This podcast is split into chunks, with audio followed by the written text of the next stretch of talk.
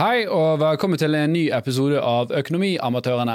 En podkast om økonomi og annet omliggende fjas. Og I dag skal vi snakke om noe som definitivt handler innenfor økonomi, og noe som påvirker alle vårt liv, nemlig banken. Hva er en bank? Og Det har vært mye action eh, i banksektoren eh, den siste, siste uken.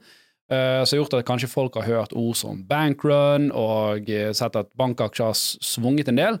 Så dette skal vi grave litt i, uh, men først og fremst må vi da forstå i hva er en bank, og hvordan fungerer en bank. Trenger vi de? Hæ? Trenger vi de? Trenger vi de? Veldig godt spørsmål, det ja. Dette blir en bra episode. Følg med.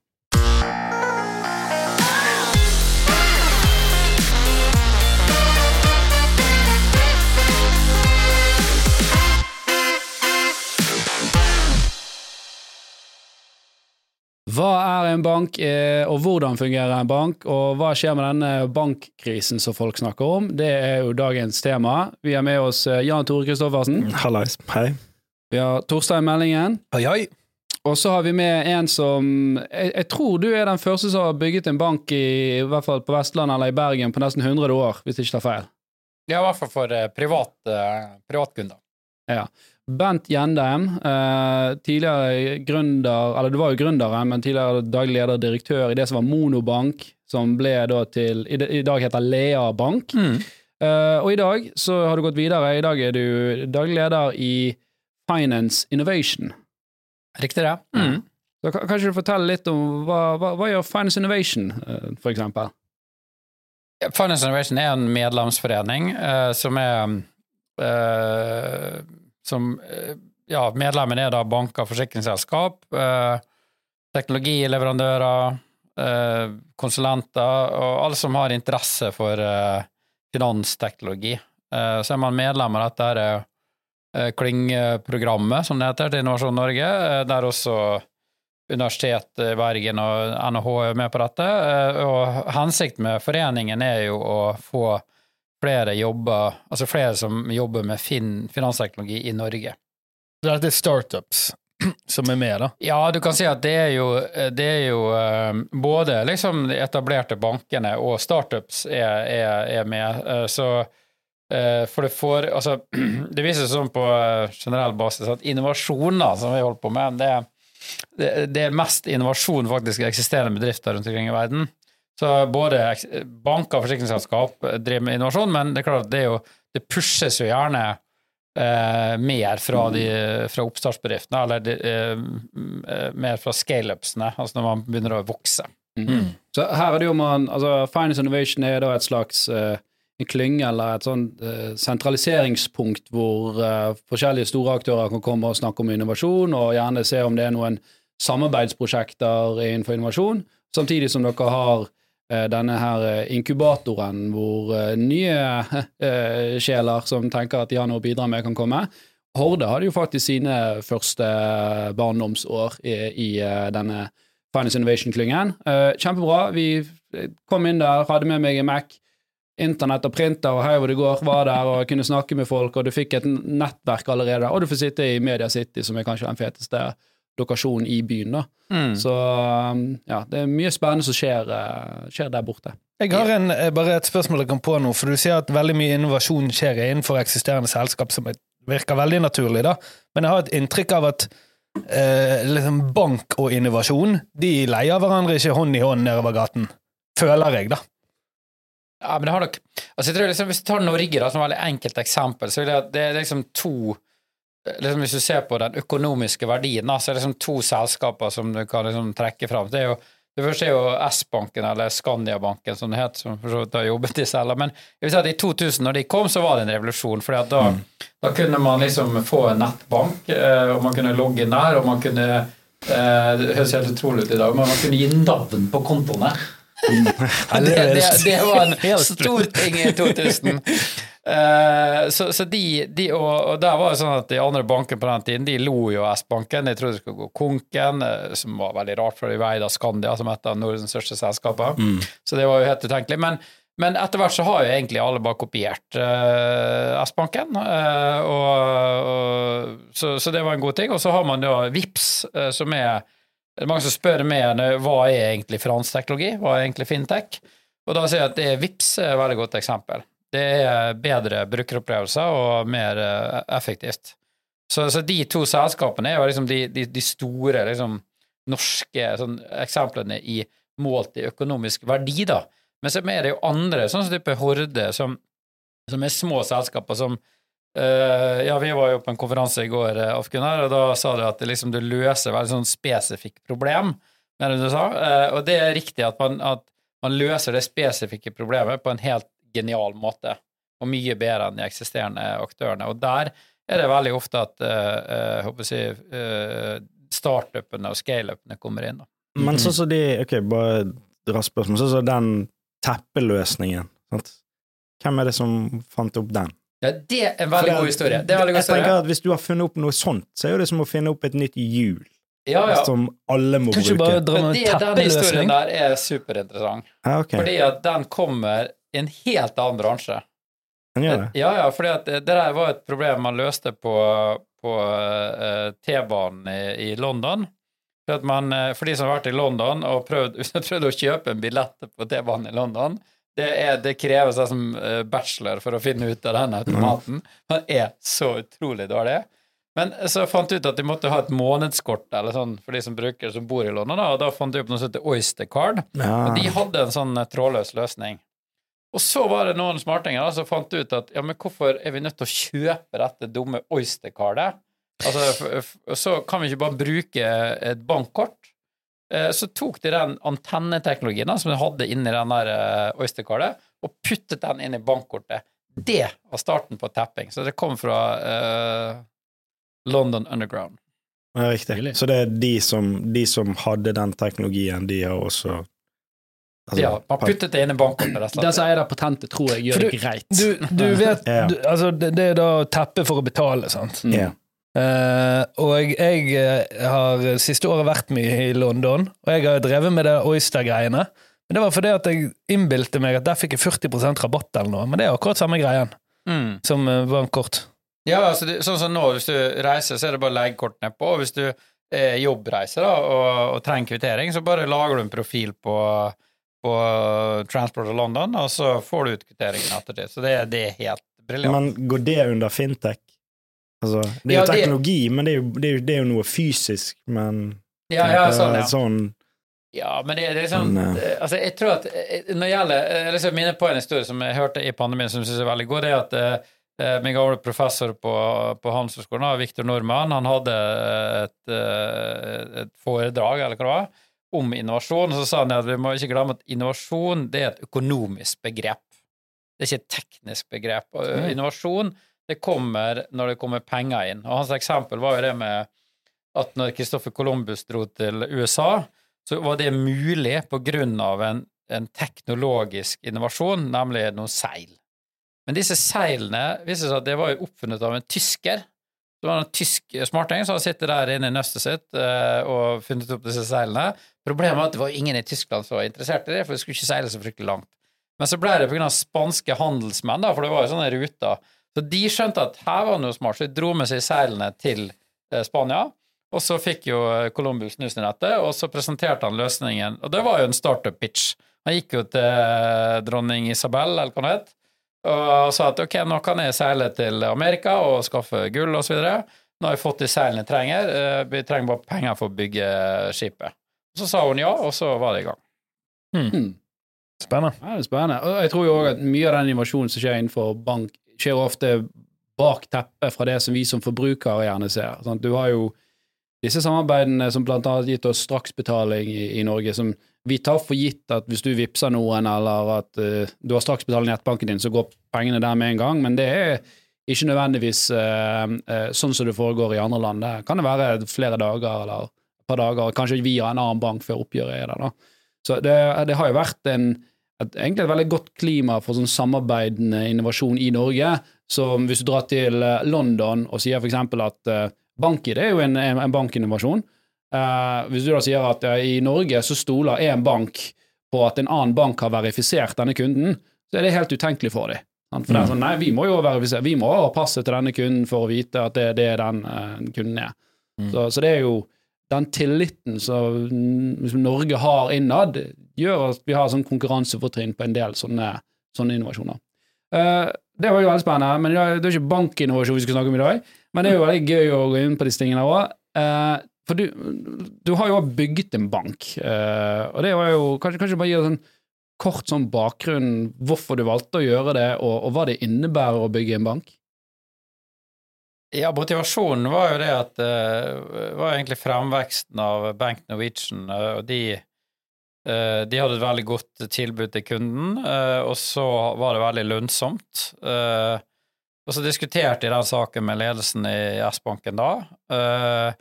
Jeg syns det var helt magisk om man burde gjøre det, Eh, og så ville de ikke gjøre det. Men hadde ikke de allerede lagd en bank? Jo, men jeg tenker på produkter, da, som i dette tilfellet var altså det, det, På den tiden her, altså, var jeg salgssjef i, i S-banken, da, så jeg solgte blant annet kredittkort. Ja, ok. Eh, Nisjebank, da. Ja, ja. Så, så, så Ja. de eh, kredittkort var sånn at det som var problemet, var det at eh, Det høres også veldig rart ut i dag, men eh, poenget er at på den tiden her så var det sånn at eh, for å få et kredittkort i S-banken, så måtte du først bli kunde. Ja. Og så kunne du søke om dette kredittkortet. Eh, mens det eh, Bank Norwegian gjorde, var det at du kunne bare søke på nettet med bank-ID Mm. og få svar. Og det var jo ikke alle som fikk det, selvfølgelig, men du fikk svar med en gang. Og kortet kom i posten. Og det, det, det ville rett og slett ikke compliance-avdelingen, altså de som tenker på ja, regler og sånn i banken, de, de ville ikke ha noe av dette. Uh, og så ble jeg rett veldig utålmodig, og så, og så uh, måtte jeg da slutte i banken. Altså, jeg var rett og arbeidsledig, og så lagde jeg en powerpoint, og så hentet inn noen penger, og så lagde vi et prosjekt, og så lagde vi en bank, og så hentet vi enda mer penger, og så åpnet dette. Bare sånn som det. Ja. Eh, ja, litt enkelt forklart. Men du, du, du kan si at det, det som vi var veldig opptatt av å lage den banken, da, som er relevant for den teknologidiskusjonen, var det at vi var veldig opptatt av at, eh, at den banken skulle være langt fremme. Vi skal ikke bare lage en, en, en ny bank basert på gammel teknologi, eller ny teknologi. Så vi var trolig, iallfall hørt uh, muntlig fra Microsoft mange ganger, at vi var den første banken i verden som kjørte i, i Microsoft sin skyløsning, da, Asher.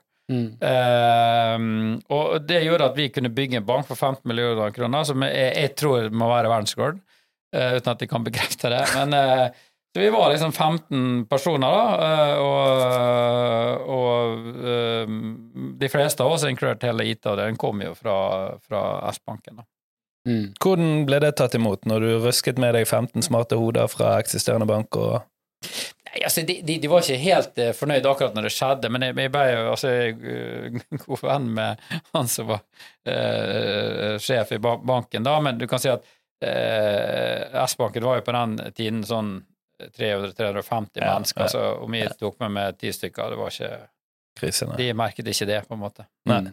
Litt følelser, kanskje, men ikke noe Ok, og, og da må vi jo liksom da- har vi fått avklart at Bent har jo noen kompetanse her. sant? Det var det å bygge en bank, for han var noe powerpoint og noen penger, og så plutselig var vi der, og, og Men uh, hva er det liksom Hva er hovedfunksjonen til en bank, da? Hvordan fungerer egentlig en bank? For litt spennende å prøve å få en sånn felles forståelse for det før vi går inn og snakker om denne bankkrisen som nettopp uh, forekom. Sant? Og, og liksom mest primære med en bank er jo at man tar imot innskudd, sant? og så låner man ut de pengene til andre. Og så er det noen regler man forholder seg til, da, uh, oppi alt dette her. Ja, altså, du kan si at det er bare to bøtter. Sant? Den ene bøtten er det innskudd, altså det du setter inn i banken. Eh, og det andre bøtten er liksom det du låner ut, og de må balansere, hvis ikke så går dette gærent, da. Men du, men du kan si at vi også kan jo leke bank. Altså, altså eh, for eksempel hvis du eh, Altså, det, det har jeg Altså, i, studenttiden så, så hadde jeg behov for å låne 10 000 Altså, jeg skulle flytte inn eh, Det var en huseier som forlangte depositum, og jeg hadde da uh, drukket øl istedenfor å uh, passe på de pengene. Så jeg var tom på konto, og jeg trengte 10 000 kroner. Um, uh, og så var det enklest å ringe bestemor, egentlig. Eh, så hun lånte meg de pengene, så da var jo hun en bank. Og mindre kritisk ha- enn foreldre, da? Hæ? Mindre kritisk enn foreldrene? Ja, jeg hadde litt sånn eh, Ja, det var nok Jeg, ja, Vi trenger ikke gå inn på det, men jeg valgte bestemor. Det var en enkel, eh, enklere løsning. Og, men um, uh, poenget er at i det tilfellet så tok ikke bestemor rente, sånn, men man kan jo tenke seg at man mellom venner eller mellom ukjente da, kan låne ut penger og betale rente. Så du trenger for så vidt ikke en, en, en bank for å være bank, men det eh, men, men, men, men, du trenger jo bank i et moderne samfunn for å få samfunnet til å gå rundt. Mm. Og man trenger jo å Altså, eh, de som sitter med eh, De som sitter med penger, kan da på en måte låne ut disse pengene til, til de som trenger de, og så får de betalt gjennom rente. Og de som låner pengene, må jo betale rente. Så, så dermed så får man liksom utnyttet at, at og de som har pengene, kan få satt det i arbeid. For at hvis, du, hvis du har masse penger, og de er ikke i arbeid, så har jo ikke pengene veldig stor verdi heller. Mm. Men så har, du har jo banken da som en, en, en mellommann som har sin egen interesse, for det er jo en differanse her mellom den, den uh, inntekten du får som innskuddskunde, og det de låner ut for. sant? Ja. Eh, og eh, en nisjebank som driver med forbrukslån og kredittkort, de har jo ofte høye renteinntekter, og da kan Mm. det ofte bli litt høyere eh, innskuddsrente. sant? Bank Ja. Norwegian hadde jo veldig lang tid veldig god rente på innskuddene sine. Det var sånn Ja. greie uh, som gjør at de da kunne hente mer funding og låne ut enda mer penger. Og så har jo banken sin interesse med å egentlig ikke nødvendigvis bare gi deg de prosentene ekstra i rente bare sånn fordi at de, de kan, så du må gjerne mase litt på det, da. sant? For hvis du ikke sier ifra noe, og nå, nå kan du gjerne få nesten 3% på innskuddsrenten din, men sikkert mange der ute som har fortsatt 1 eller lavere det, og må mase litt på banken for å få, få denne renten. Ja, ja. Sånn, generelt, altså, sånn i, i Norge, men også generelt i verden. altså De store pengene er jo i boliglån, altså verden over. Og sånn er det jo også i Norge. Og det Det, sånn, hva, hva, det, hva var det han Ramtim Ramtin fra SR-Bank sa i går? At sånn 60 eller 65 eller 70% av eh, bankøkonomien i Norge, Ja. det er boliglån. ja, og sånn er det, selv om Norge er det landet i verden som har mest, eh, der flest eier egen bolig, da, så er det sånn verden, og hvis du ser på det liksom sånn globalt, så er det det, det, det er det samme, med kanskje unntak noen land der det, det er nesten ingen som eier bolig. Men, men, men du kan si at det, er sånn, hvis du tar det som regnestykke, så kan du si at hvis renten, hvis renten på boliglånet er eh, nå er han kanskje, kanskje oppe i fire, da, nå, eh, hvis du tar det på nytt lån i dag. Eh, og da er liksom snittmarginen er vel Ja, la oss si 1,5% da, kanskje litt mer, men la oss si 1,5% så, så, så jeg, jeg tar opp et lån og betaler 4% Du er banken. eh, Du i snitt da så får du eh, 5,5, eh, sånn at det er den marginen du eh, eh, Nei, altså Sorry. Nå, det er er veldig bra. Jeg betaler 4,5% og du betaler ut 2,5 i, i, i innskudd. Mm. Da ble det riktig. Så differensen der, det er det banken Ja. tjener på. Altså, ja, da. altså for Så det blir de- mange milliarder, så blir det masse ja. ja, så det er jo bare å få låne ut mest mulig til det, da, og til et safest mulig. Til Ja, ja, bolig det- er ja. vel det som er safest, så da er vel det Ja, og, men det er jo ikke så enkelt uh, heller. For uh, og nå kommer vi litt inn på det som skapte krisene. Hvis du har en bank, og du har fått inn x kroner, og så har du lånt ut alle disse kronene, og så plutselig kommer innskuddskunden og sier jeg vil ha pengene mine tilbake igjen, da får du et problem. For du har jo lånt disse ut til boliglån som skal vare i 25 år. Jeg, har, jeg har lånt 100 kroner av deg, jeg har lånt det til Torstein i 25 år, og så kommer du og sier du, nå trenger jeg, jeg skal betale lønn, eller jeg skal kjøpe mat. Så jeg, jeg beklager, de pengene har jo Torstein nå. Ja. Og her er det vi begynner å liksom komme litt inn på det som, eh, som har skjedd eh, i, Mm. i denne her eh, SVB, eller Silicon Valley Bank i USA. Det var jo rett og slett det at de tok eh, innskuddet til, til kundene, låste det opp i både utlån, noe kjøpte de eh, relativt sånne lange rentepapirer eller obligasjoner eh, for, som da Mm. gjorde at pengene var låst i en tiårshorisont. Og så plutselig var det at økonomien blitt strammere, flere folk ville ha pengene sine ut. Noen begynte gjerne å se litt på, på bøkene til denne banken, og, og så jo det at um, på grunn av at renten hadde steget så voldsomt nå altså, Litt av essensen her er jo disse obligasjonene som denne banken hadde kjøpt. disse lange Mm. rentepapirene. Obligasjon er jo en liksom renteavtale eh, som du har kjøpt, eh, gjerne statsobligasjon, som gjør da at nå har du en tiårs avtale hvor du får 2% i året i, i avkastning, og den er låst i ti år. Ja, og så gikk jo renten Og så gikk renten opp, Så da Og hvem- ja. de opp. ja, sant? Og, og så nå, nå kan du få 3,5 på, på, på nye obligasjoner. Sant? Og da er jo spørsmålet Når da kunder kommer og sier at de vil ha pengene sine tilbake, så måtte jo denne banken begynne å selge disse obligasjonene. Og da var jo problemet at ja, men hvem faen skal vi kjøpe disse obligasjonene? Hvorfor skal jeg Ja. kjøpe noe som låser meg til 10% på 2% eh, nei, i ti år for 2% når jeg kan få 3,5-4 uh, i dag. Og da måtte de selge de for en voldsom underkurs. Og da var jo plutselig en del av pengene vekke. Og så var det en så stor andel av, de, av av deres innskudd som var gått inn i disse langtidsobligasjonene, da. Mm. Det gjorde at det spiste opp hele spillerommet banken hadde. Altså, Ja, det, det som er litt spesielt med Silicon Valley Bank, da, det er jo at de istedenfor å låne inn penger, altså ta innskudd, altså låne inn til 2,5% og låne ut til 4% eller låne inn til 3% og låne ut til 15% som uh, typisk forbrukslånsbanker gjør, så, så har de tatt innskudd, men de har investert det istedenfor. Det er det spesielle med den. Det er en veldig spesiell forretningsmodell som eh, eh, som man ikke ser i banken i Norge. Men er det noe kundene visste? Sånn, du, de pengene dine, vi kommer til å investere i. Ja, altså, dette er jo en børsnotert amerikansk bank, så alt har vært eh, eh, tydelig, og de har holdt på sånn i hvert fall ti år.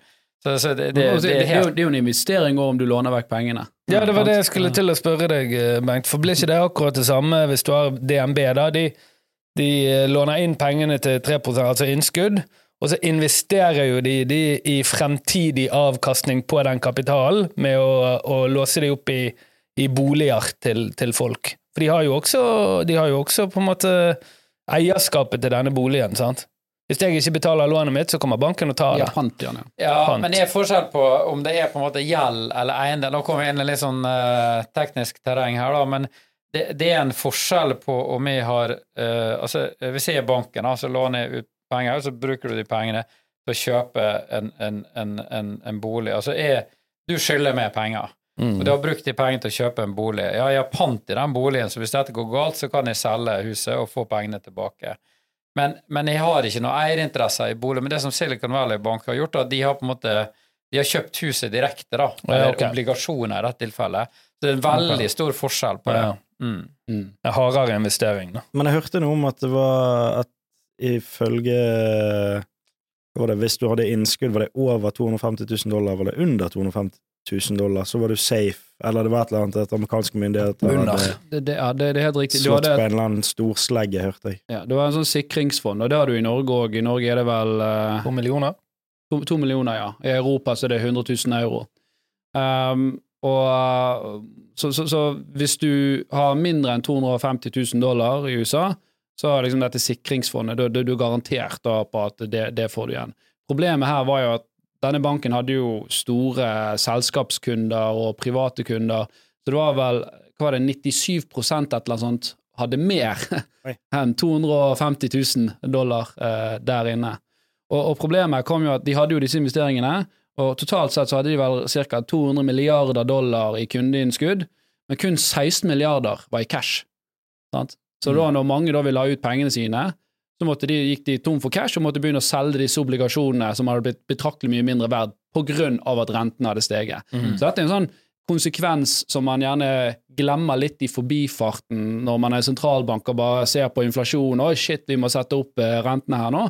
Og så, og så får det disse andre ringvirkningene, da, som man gjerne ikke uh, er det som er førsteprioriteten hvis du ser at informasjon eh, går til, går til himmels. Men, det er to veldig sånn interessante forskjeller på det er sikkert mange, men på Silicon Valley Bank og norske banker. det er at Norske banker har likviditetskrav, eh, så så som mye må være i cash osv. Og, og av en eller annen grunn så var ikke, sånn som jeg oppfatter det, Silicon Valley Bank, de var ikke underlagt de samme likviditetskravene som norske banker var. Eh, det det syns jeg er veldig forunderlig. Eh, så, så, så det var en litt eh, Derfor så slapp de lettere unna, kan du si.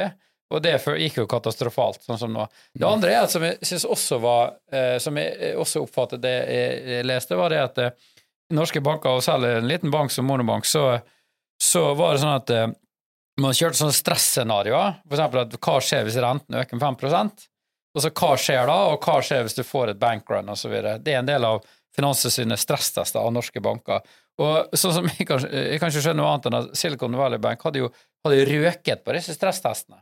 Mm. Og dermed så måtte de jo gjort noe med det, altså blitt fratatt konsesjon. Men av en grunn så var ikke de underlagt de tilsynet, og det, det Hvis jeg oppfatter det rett Jeg ser det andre på uh, Twitter som mener det samme.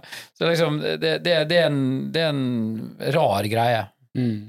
Og og en bankrun er jo akkurat det vi snakket om, at banken Altså, mange kunder blir stresset for at eh, banken ikke har pengene dine, og da vil alle ha pengene ut ut samtidig. sant? Eh, og da får du disse her at Skjer med jevne mellomrom i alle sektorer, omtrent, føler jeg. Ja, relativt sjelden i Norge. For, for I Norge så sier du at uh, det varierer litt fra hva bank du har, men hvis de hadde 16 av 2 millioner, hva er det, 7 uh, som var i cash, mens i Norge må du gjerne ha nærmere 20 avhengig av hvilken bransje du er i. Så du har jo betrykkelig mye så sånn større sikkerhetsmargin, da. Som òg gjør at det er, kan være mer lukrativt å, å drive bank i USA. For du har mindre liksom, død kapital som bare må stå der. Mm. Eh, men som på andre siden gjør at du får mer solide eh, banker i, Mm. i Norge. Det, det skal jo nevnes at alle storbankene i USA jo, har jo de kravene her, men av en eller annen grunn så har ikke Silicon Valley Bank blitt underlagt altså, De er ikke en storbank, og det virker veldig merkelig, for med en så stor balanse så har det i hvert fall vært en storbank i Norden. 2000 milliarder eh, norske Ja. kroner, liksom. Så det er rett og slett det, eh, de har, Du sa i sted at de hadde andre regulatoriske krav, eller ikke de samme regulatoriske kravene som norske banker, men, men ikke de samme regulatoriske kravene som banker i USA. Nei, altså, eh, dette nå beveger oss inn i litt sånn, så det, nå blir det litt synsing, men det er jo litt sånn, det, altså, men, men sånn som vi oppfatter det, de storbankene i USA helt åpenbart et andre krav, men det er ikke- det er akkurat som jeg oppfatter at på en måte at også de liksom sparebankene i USA også er underlagt de, disse kravene, mens liksom Silicon Valley Bank har kanskje havnet til en sånn her eh, midt imellom noen stoler, og okay. kanskje med hensikt da, jeg vet ikke. Det, det som skjedde, fall, det var jo andre ting, og de hadde jo ikke rentesikret porteføljen sin, så jeg i dag også. Så det var jo en del sånne ting som er sånn rart at du ikke har gjort når du er en bank av, av den størrelsen. Rentesikret porteføljen, kanskje du Eh, ja, det er jo at du kjøper opsjoner uh, da for at hvis, uh, hvis dette skulle skje, at renten skulle stige, så kan Ja, du tape okay, penger på den obligasjonen, men du får i hvert fall litt tilbake igjen Mm. på denne. Du kan òg gjøre det med valuta, da, hvis du Mm. har mye valuta i Mm. banken. Eh, Men disse obligasjonene som de kjøpte, som, var det de genererte inntekter? Ja, de? de var jo sånn Hadde de bare holdt de tiden ut, så hadde de fått 2% i året, men problemet er at når folk vil ha pengene sine ut, så måtte de gå og selge de til en dårlig pris, for det var ingen som ville kjøpe de. Så når man nå ser eh, banksektoren få litt juling i disse dager, er det på en måte da i, i påvente av å finne ut hva, hva er det som har skjedd her? Kan dette gjelde flere banker, eller Ja, er det, er det den usikkerheten som er skapt av dette, som gjør at det faller, eller er det reelle funn som gjør at hele dette systemet ser ut som nok en gang å være litt feil, da? Jeg jeg tror det første du sa der, eh, er, er veldig viktig. For det markedet, altså aksjemarkedet reagerer jo veldig raskt, Mm. eh, og, og på frykt. Og, og tanken her nok er jo at oi, shit, hvis det skjedde med den banken, Så hvilke andre banker har dette? Nå vet jeg at nå kommer folk til å gå med lupe her og kikke i alle kroker og skarp hos disse bankene. Og da ønsker investorer å senke eksponeringen sin mot den uh, sektoren. Så til og med DNB hadde vel falt over 3 i dag. Jeg tror ikke DNB har noe eh, Svin på skogen. svin på skogen, men, men generelt sett så trekker man seg ut, da, og det er sikkert noen som trekker seg ut av, av fond som gjerne er investert mot banker. Og, og da må jo de fondene òg selge eh, gjerne alle eh, eksponeringene de har, eller de som er, er, er godt priset. Det var jo, du snakket jo om at Credit Suisse hadde jo falt Mm. 18 eller hva det er. Mm. sant? Men alle kan jo ikke selge alt. Nei, men man trenger ja, det, Hva skjer da? Altså, ja. hva, hva blir gjort for å forhindre den type dominoeffekt? Det, Går de ut og sier hei, ikke Nå må dere. Alt er trygt og hva er det- Hva er det man gjør for å stoppe den eh, panikken? Eh, Kjempegodt spørsmål, og, og her var jo eh, Her satt jo man liksom på, på tå hev, eller var høye nerver i USA eh, i, over helgen. For det, det var jo stille noen dager eh, fra, fra sentralbanken og administrasjonen der, da. Og for frykten som bygget seg opp, var jo at ok, hvis dette kan skje med denne banken her, og, og eh, du kun får igjen 250 000 dollar, hvorfor skal du ta da en risiko med å være i en sånn liksom, Ja. liten bank? Så da var det sånn, da kommer alle til å trekke seg ut fra disse småbankene eller regionalbankene, og alle kommer til å gå til JP Morgan og Morgan Stanley, og disse, store, disse fire store For de har større sikring? Ja, det er, du, du, de er too big to fail, da. Ja, riktig sånn, ja. Uh, men så heldigvis så kom jo Janet Yellen og for Biden også ut på, på mandag og sa at vi kommer til å backstoppe dette. Ikke bailout. er det det, i, I 2008, i finanskrisen, så var det en bailout. sånn at de ga penger til, for at banken skulle overleve i sin helhet. Her sier de at denne banken nå satt under offentlig administrasjon. Aksjonærene i banken får ingenting, ikke en krone. Mm. Eh, ledelsen får sparken, Mm. men kundene får alle skal få alle sine. pengene tilbake. Så det er en Ja. backstop og ikke en bailout. Ja, ja. Og det er liksom viktig poeng, for det er mange da tenker med hvorfor skal skattebetalerne drive og baile ut disse her eh, rike bankmennene? Det er ikke det som skjer. Mm. Bankmennene de, de får ingenting, de, men det er kundene som blir beskyttet. Og, og det tror jeg er en viktig definisjon Mm. som å, å få med seg her. Jeg syns også at det er imponerende i Nå er jo problemet litt mindre i, i England, da, men det er imponerende i å ha en finansministeren og gjengen hans i England som bare De tok den filialen i England, og så fikk de solgt den til HSBC eh, på noen timer. Så det var jo veldig kvikt eh, gjort, da. For en, ett pund, sant? Ett pund, ja. Ja. Så, men, eh, men det er klart det var mindre forretning og sikkert lettere å gjennomføre. Men det, det var et viktig poeng, det som du sier, Gunnar, med at de Først så sa de at vi supporterer det opp til 250 000 dollar, men så etter hvert så sa de at nei, vi garanterer for alle innskudd. Og da, det var en viktig Men Og, det, det, det, og det var jo av at du sier at tilliten De måtte redde tilliten til banksektoren i sin helhet. Eh, men ikke vil ikke det kan, kan ja, Fører ikke det til at folk vil gå fra andre banker og hive det over i amerikanske banker? På Nei, for det, det, det, det, det, det, det er ikke de, Nei, nei, nei. De, Men, var- så det skaper usikkerhet i andre banker? Nei, for, for, for her, her, her er jo litt av problemet. Uh, dette gjelder ikke for alle banker. Det gjelder for de bankene som nå Det var jo uh, Silicon Valley Bank og, og Signature Bank. Mm. Men det gjelder ikke for alle banker i USA. Nei, okay. For hvis, hvis tilsynet tilsynet sier det at vi dekker alltid kundeinnskuddene til alle, da har jo bankene null risiko, da. mm. Da kan de bare gønne på, sant? og i gode tider så tjener de Ja, dritgode penger. Jeg tenkte. Ja, Altså, og, og i dårlige tider så kommer, eh, må, må, må, må skattebetalerne betale for det. Hvis Mm. festen allerede har vært da, og, eh, og skattebetalerne gjennom, gjennom eh, staten eh, bailer ut, eh, eller ikke bailer da, men eh, sikrer eh, sikrer kundenes penger, så eh, kan jo man på en måte si at eh, eh, Banken kan, kan, bankene kan feste videre, ikke, og, og dere trenger ikke engang å ha dårlig samvittighet, for det at kundene våre taper ikke engang pengene sine. Mm.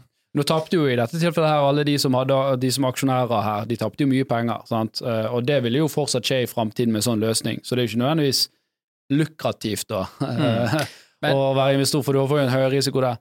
Men, men det som kommer til å skje, er nok det blir strengere reguleringer på disse bankene, og det blir tettere oppfølging av, av tilsyn eh, på, på de tingene som gikk I, feil. fem. I 15 år. Mm. Og så blir det full eh, oppløsning igjen.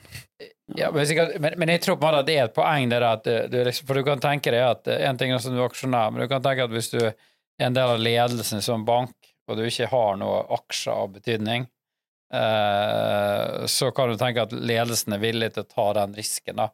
For de vet at kundene blir dekket. Så det er litt moralsk eh, Det var liksom litt kommentert i går på den konferansen vi var, var på også. Så det, det, det, det, er ikke helt uproblematisk. og i dette tilfellet tror jeg amerikanske myndigheter var nødt til å gjøre det, men det er jo ikke helt uproblematisk. Men, men bare for å kommentere på det i forhold til når, ting, eh, når reguleringa kommer, da. Du kan si at uh, i, i 1929 så var det jo en, et uh, vanvittig uh, børskrakk.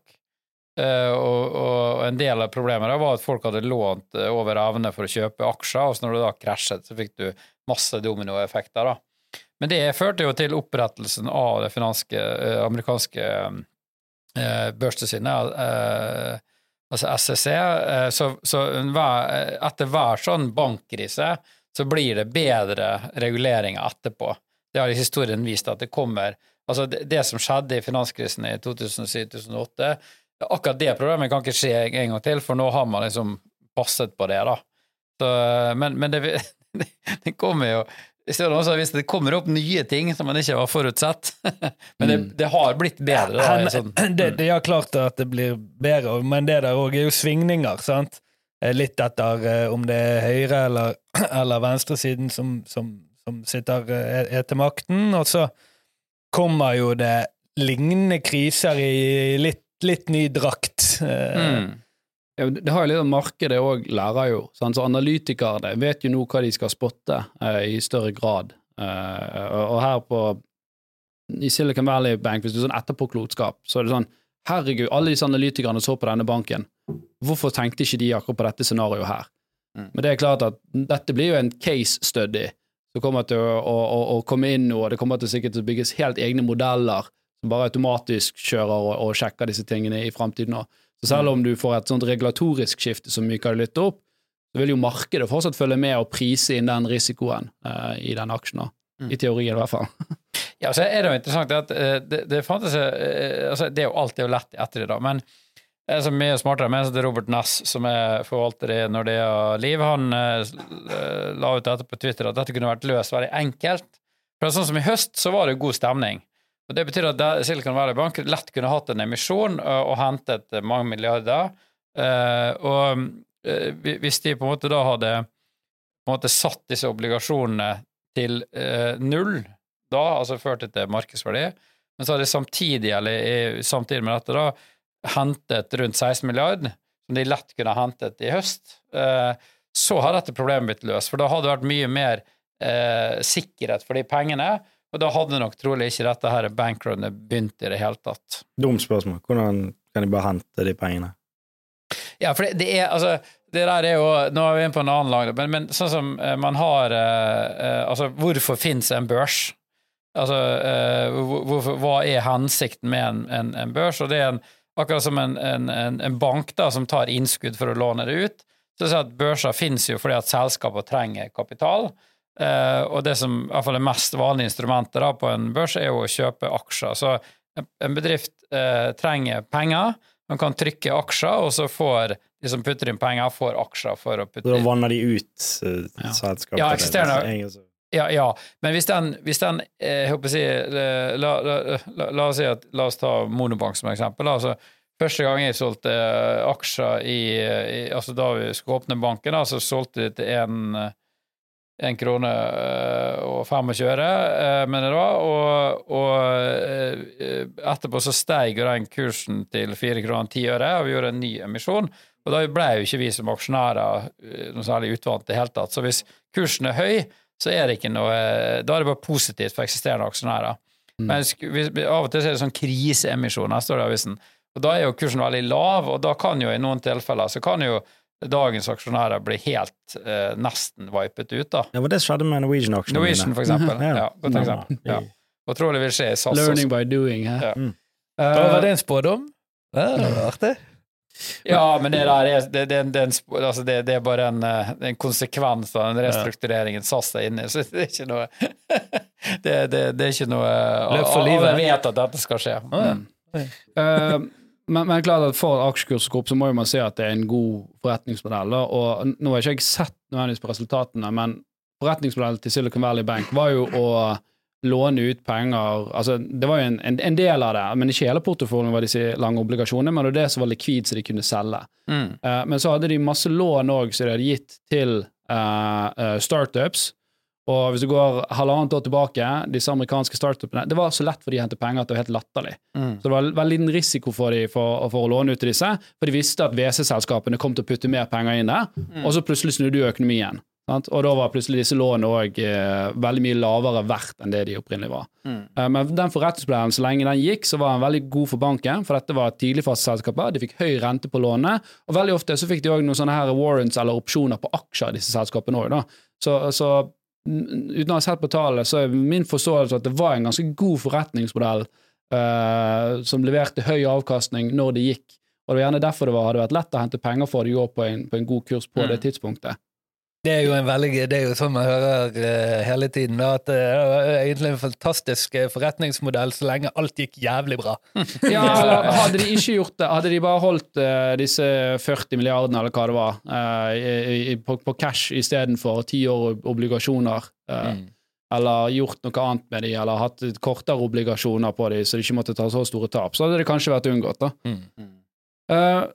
Okay, det som jeg syns var veldig interessant her, det at uh, det, det, det, kan ha skjedd før, men det, dette var første gang jeg har oppdaget det, at krypto hadde en motkorrelasjon mot det som skjedde hos uh, banker. Altså det, for det som skjedde, var at uh, Du ser det på bitcoin og Ethereum, du sjekket det her i sted. Ethereum hadde steget sånn nesten 20% og bitcoin hadde steget sånn 25 fra denne her nyheten. Mm. Så det, det, er første gang jeg faktisk har sett at det har korrelert motsatt av det, at det har vært en krise i det som skal være den etablerte finansverden, mm. og folk faktisk har flyttet over. Men det er ikke det veldig logisk, da? Altså, det fremstår som et mye langt bedre Nei, eller, et, jo, jo, det er sant, ja, ja. du har det etablerte mm. som, som, går til grunne for å ha veldig hardt i, Og da fremstår dette som et eh, bra alternativ igjen. Ja, det er veldig logisk, og det, men, men det har jo ikke vært bevist fra mine øyne. Det kan godt være noen kan arrestere meg på dette. Ikke, det, til, til nå så har krypto korrelert med alt annet. Har det vært liksom dårlige tider så, og aksjer har falt, så har krypto falt. da. Men her er første gang for, for mitt uh, ståsted jeg har sett det at her har Oi, shit, bankene fikk seg en trøkk, og, og, og krypto uh, steg. Hvor gikk det med NFT-er, da? Gikk det, det, det, det tror jeg eh, steindødt? Ok, ja. Det tror jeg ikke er god stemning. Uh, men, men, men det er jo selvfølgelig veldig, veldig spennende, og, og litt av det er jo på grunn av Det finnes jo veldig mange store penger der ute, altså store penger, folk som har veldig mye penger. Og, og de har jo dette problemet at i Norge, for eksempel, har du kun Hvis du har en halv milliard på bank, det er en kjempestor risiko for deg å ha det i én bank. For hvis den banken går over ende, så får du bare to millioner igjen. Og så kan du velge da, ok, skal jeg finne meg 250 banker og spre dette ut på, det blir jo litt slitsomt uh, å, administrere. Og, og det er jo her gjerne krypto kommer med en lovnad og sier her gjør, gjør ikke noe. Sånn, Så lenge kursen er, så er pengene dine der. Eh, og ja. Hva mener du? At hvis du har uh, alt i krypto, så gir ikke det noe? Eh, Nei, altså, du, du vet jo i hvert fall du får pengene ut. Pengene kan være mindre verdt, da, men det er ikke sånn at uh, det vil være låst i den forstand som de er låst i en bank. Det, det vil alltid være et marked som handler den. Altså, dette er jo et av verdiforslagene til, til krypto òg. Altså, snakker du nå om en investor som har masse kapital, Ja. hvordan han skal eh, få de til å eh, jobbe i markedet, som du nevnte, da?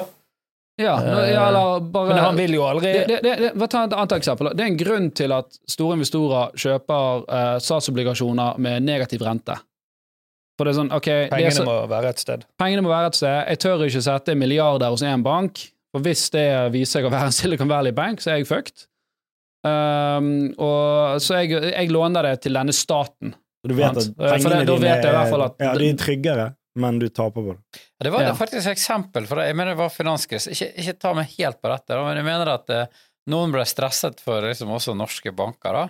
Altså Dette er snakk om folk som har en milliard eller to. Og så kjøpte de faktisk obligasjoner i eh, strømsel... Norske Altså som driver med vannkraft, da. Mm. Altså La oss si BKK, for eksempel. De har obligasjoner. Eh, Det gir eh, ikke så veldig høy avkastning, men eh, noe som har sikret det i vann som renner eh, gjennom Ja, det er jo si, magasin. så, så genererer strøm, så og det sikrer av de bankene, var det en som mente. Ja, det virker jo på en måte logisk når du sier det nå, da. Det var, Mm. ja. Mm.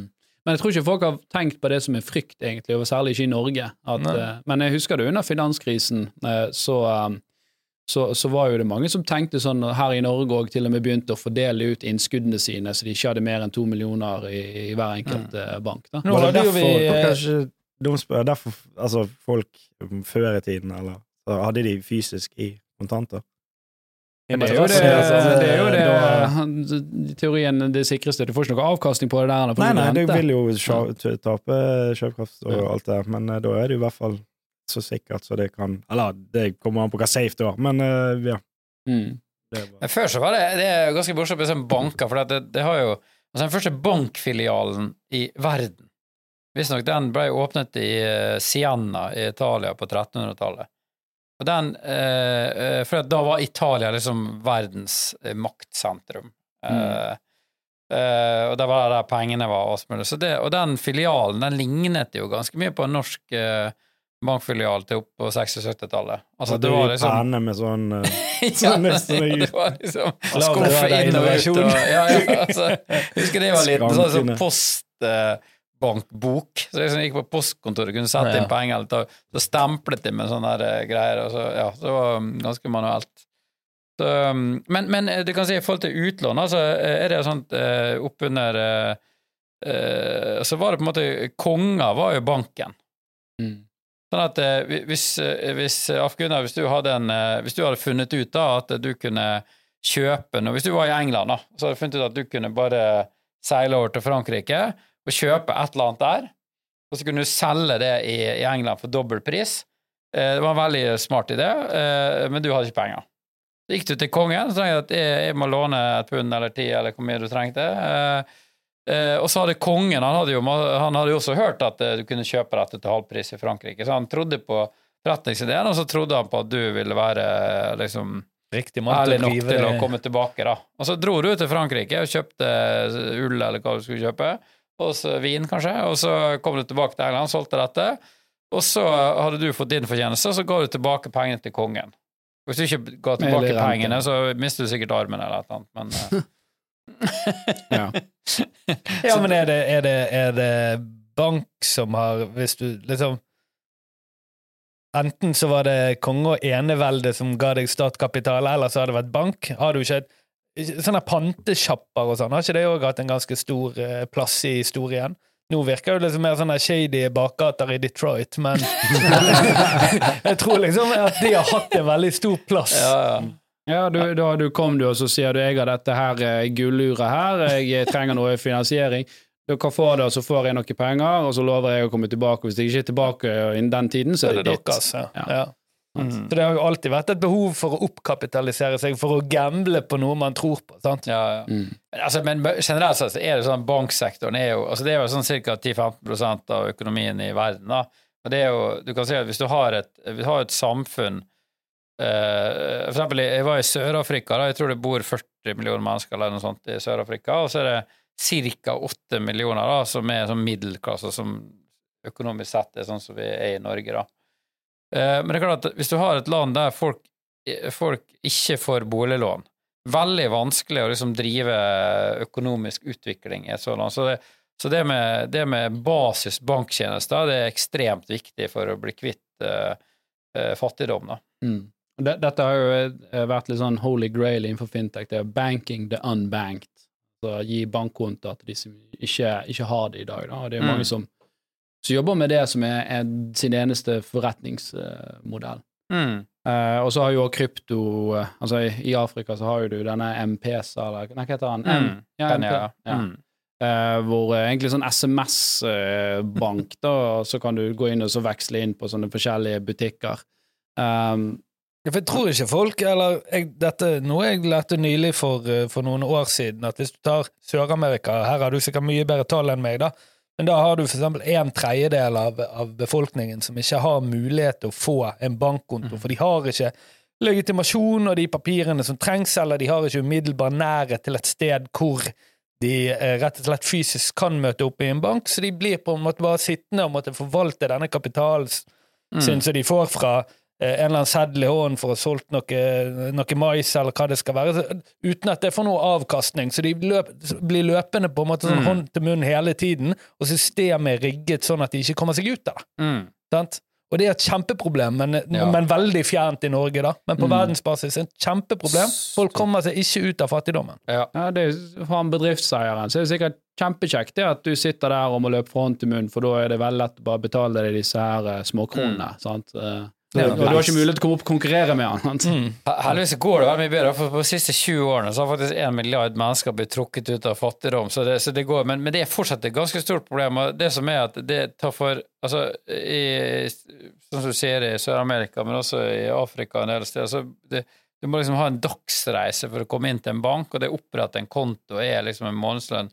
Så det, det gidder du ikke, eller du kan du ikke. Så liksom, en PC har gjort det sånn at hvem som helst kan greie å og det, og det at du kan putte penger av, av, eh, av sted noe annet sted enn en boks, eh, men inn på en konto og spare der til deg selv og barn og alt mulig, det har eh, hatt utrolig stor betydning i Kenya, og ikke, minst for kvinner. Mm. Eh, for generelt sett er jo eh, måte, kvinner er forsiktigere til liksom, bedre vare på pengene. Da. Eh, vi menn har tendens til å rote litt mer vekk sånn i snitt, så da Gamble heter det. Hæ? Gamble. Gamble, ja, ja, ja. Så det er liksom å få det pengene inn i et system der har hatt veldig stor betydning for, eh, for en PC. Mm. For Kenya. Mm. For, for å trekke litt sånn de, de store eh, linjene her nå, da. eh, vi er jo i eh, fortsatt en, en økonomi Og eh, inflasjonsspøkelset er jo der definitivt fortsatt. Og, og nå var jo det sist varslet at amerikanerne skulle ha en dobbel renteheving, dvs. Si ikke med 0,25, men faktisk en halv prosent opp. Det spås jo nå at ikke kommer til å skje på grunn av dette. Og nå, nå står vi med en sånn kjempevanskelig veiskille her. For på den ene siden, eh, hvis du fortsetter med rentehevingen, så kan det føre til en sånn økonomisk eh, kollaps som ikke er bra. Og på den andre siden, hvis du ikke gjør rentehevingen, så kan denne inflasjonsraten begynne å sette seg, liksom. Mm. Det er en kjempevanskelig sånn, Mm. eh, posisjon eh, sentralbanksjefen han Mm. Powell står i, i, i der nå, da. Men at de da at de nå bare, jeg, jeg kan ikke så mye om, om denne krisen, eller hva det er, men at de da utsetter eller sier at de ikke kommer til å heve renten ytterligere eller redusere rentebanen, da, forteller jo oss egentlig at det er flere banker som sannsynligvis står i, i, i denne knipen, da. Ja, det, Hvis det- ikke så er jo tapet tatt, og man kan fortsette Ja, det, det, for det er jo en, en tillitskrise her, sant, egentlig. Sant? Og, og nå må liksom sentralbanken her vise det at uh, vi gjør det som skal til for å passe på at ikke flere kommer her nå. Uh, for hvis de fortsetter å skyte den opp, så stå, oh shit, hvem er neste bank uh, nå? Sånn, Så det at de bare bremser litt, gjør det at folk får liksom, ok, tid til å områ seg litt og finne ut av ting og, og ja. Men på andre siden så har du som sagt et inflasjonsspøkelse som han, Jerome Powell, har vært veldig sånn aggressiv på at dette, dette skal jeg få, få knekt. Det som er litt sånn sin, eh, sin nærmeste avslutning, er jo at eh, det som jeg har forstått på Silicon Valley Bank, er at de har vært veldig flinke med produkter for småbedrifter. Altså Man liksom sier at det er for startups og scaleups og Silicon Valley, men jeg så en, eh, en Twitter på et veldig godt Twitter nå. eh, Det var en, eh, en eh, gründer fra min Og hun gjorde poeng ut av at var, hun var firebarnsmor. Hun bodde i Minnesota og var ganske langt vekke fra, fra Silisiumdalen. Og, og hun hadde en, en scaleup, da, kan man si, med 20 ansatte, eller hva det var. Eh, og hun hadde da brukte bare Silicon Valley Bank. Og hun hadde da skjønt at noe var i gjære, men litt for seint. Hadde forsøkt å eh, føre ut et par rundt tusen dollar og skulle betale ut lønninga ditt natten. Men det, mm, det var hun for sein med, da. mm. Så hennes Twitter-melding gikk jo på det at, eh, at hun som eh, småbedriftseier da, på en måte plutselig kom ut i et eh, problem. Og det er kanskje det som, som, som At dette har skapt mye praktiske problemer, da. For, for selv om for Jeg vet ikke helt Jeg har ikke fulgt med i dag hva som skjer sånn rent praktisk, altså når disse bedriftene får tilgang til disse likvidene Ja, Altså, Det skulle være på mandag. Det var det i hvert fall de sa. at okay, ja. på, for, mandag nå i dag så skal dere ha full tilgang til innskuddene ja, ja. deres. ja, men da ja, men, men det, det, det du Mm. sier er at mange småbedrifter eh, fikk jo da plutselig kapitalen sin løst, eh, Mm. låst. Mm. Kunne ikke betale lønn, og lønn Mm. i USA betales som regel hver annenhver uke. Mm. Sant? Eh, Ok, Hva skjer da sant, med denne bedriften? Hvor lenge tar det før de får pengene tilbake igjen? Det var jo til og med en del hedgefond som var ute og tilbød eh, bedrifter 60 cent på dollaren. Eh, for å bare uh, løse dette cash-problemet. Oh, ja, det er fordi, spennende. Fordi, for de så da Vi at gamblet på at vi det tror at dette her er, det kan være at du må ta en haircut på, Ja, på ja, ja. 20% så vi er villige til å gi deg liksom 60 eller 70 på, på, på denne dollaren nå. da. Ja. Som er ganske predatorisk, da, men det er jævlig snartenkt òg, da. Ja, ja, Men så, så kan du si at ok, de ansatte får ikke lønn, men de har ikke bare ansatte, de har jo gjerne leverandører. Sant? De skal ja, ja. betale han som leverer det, og han som leverer det. Og når det er tusenvis av startups som plutselig der folk ikke har, har lønn, og de ikke kan betale sine leverandører, så kan dette forplante seg liksom videre. Ja, det var en veldig fin måte å vise potensielle ringvirkninger av det på. da. Mm. Så det tror jeg det vi, vi rakk for i dag. Eh, nå løste det seg, sånn ser det ut denne gangen, da, men, men det er jo fortsatt mye skepsis der ute, og det blir spennende å se om det kommer flere saker eh, basert på dette når folk liksom går i sømmene på bankene. Foreløpig så er jeg vel ikke veldig bekymret for norske banker, så du som hører på, trenger ikke å rike helt ut. Ja, du, du kjører en sånn en. Ja, jeg vil ikke jeg sier det eneste riktige her er å få panikk. krypto. Få panikk. Ja. Ja, ja, ja. Av minibanken. Le- le- Leder for Finanstilsynet, Baltersen, sa vel i går at han sa vel noe sånt som at man skal jo aldri si aldri, men det ser veldig bra ut i Norge. Ja. Og det han basically sa. Mm. Bent, tusen takk for at du stilte opp eh, på kort varsel. Eh, vi hadde jo egentlig planlagt å snakke litt om lønn og arbeidsmarkedet. Eh, det kommer muligens neste uke, men vi tenkte at det var så dagsaktuelt at vi måtte ta, ta det med. og det er ikke mange som har bygget en bank her i Bergen. Du er en av de, så det er jo en kjempebragd i seg sjøl. Jeg har sagt det til deg, altså, for vi som jobbet litt innenfor fintech, han var jo liksom rockestjernen, og jeg er jo fortsatt en rockestjerne, men ja, så veldig gøy å, å, å få snakke med deg, og takk for at du stilte opp, og takk til dere andre. Jeg vil bare si veldig kjapt, jeg, gledet meg til, til å liksom, litt å høre denne reisen med å eh, starte en bank. Men den var jo da Fikk noe penger, startet en bank. Lagde en powerpoint, fikk noen penger, startet en bank. Utrolig utrolig bankt. Jeg skal faktisk få ha gjesteforelesning på, på Norges handelshøyskole i morgen, og da skal jeg fortelle den historien. Så eh, det, det, det, det, det får nok muligheter. Mm. Ok, ja, men bra. Takk, Bent. Takk til dere. Vi snakkes neste uke. Ha det bra.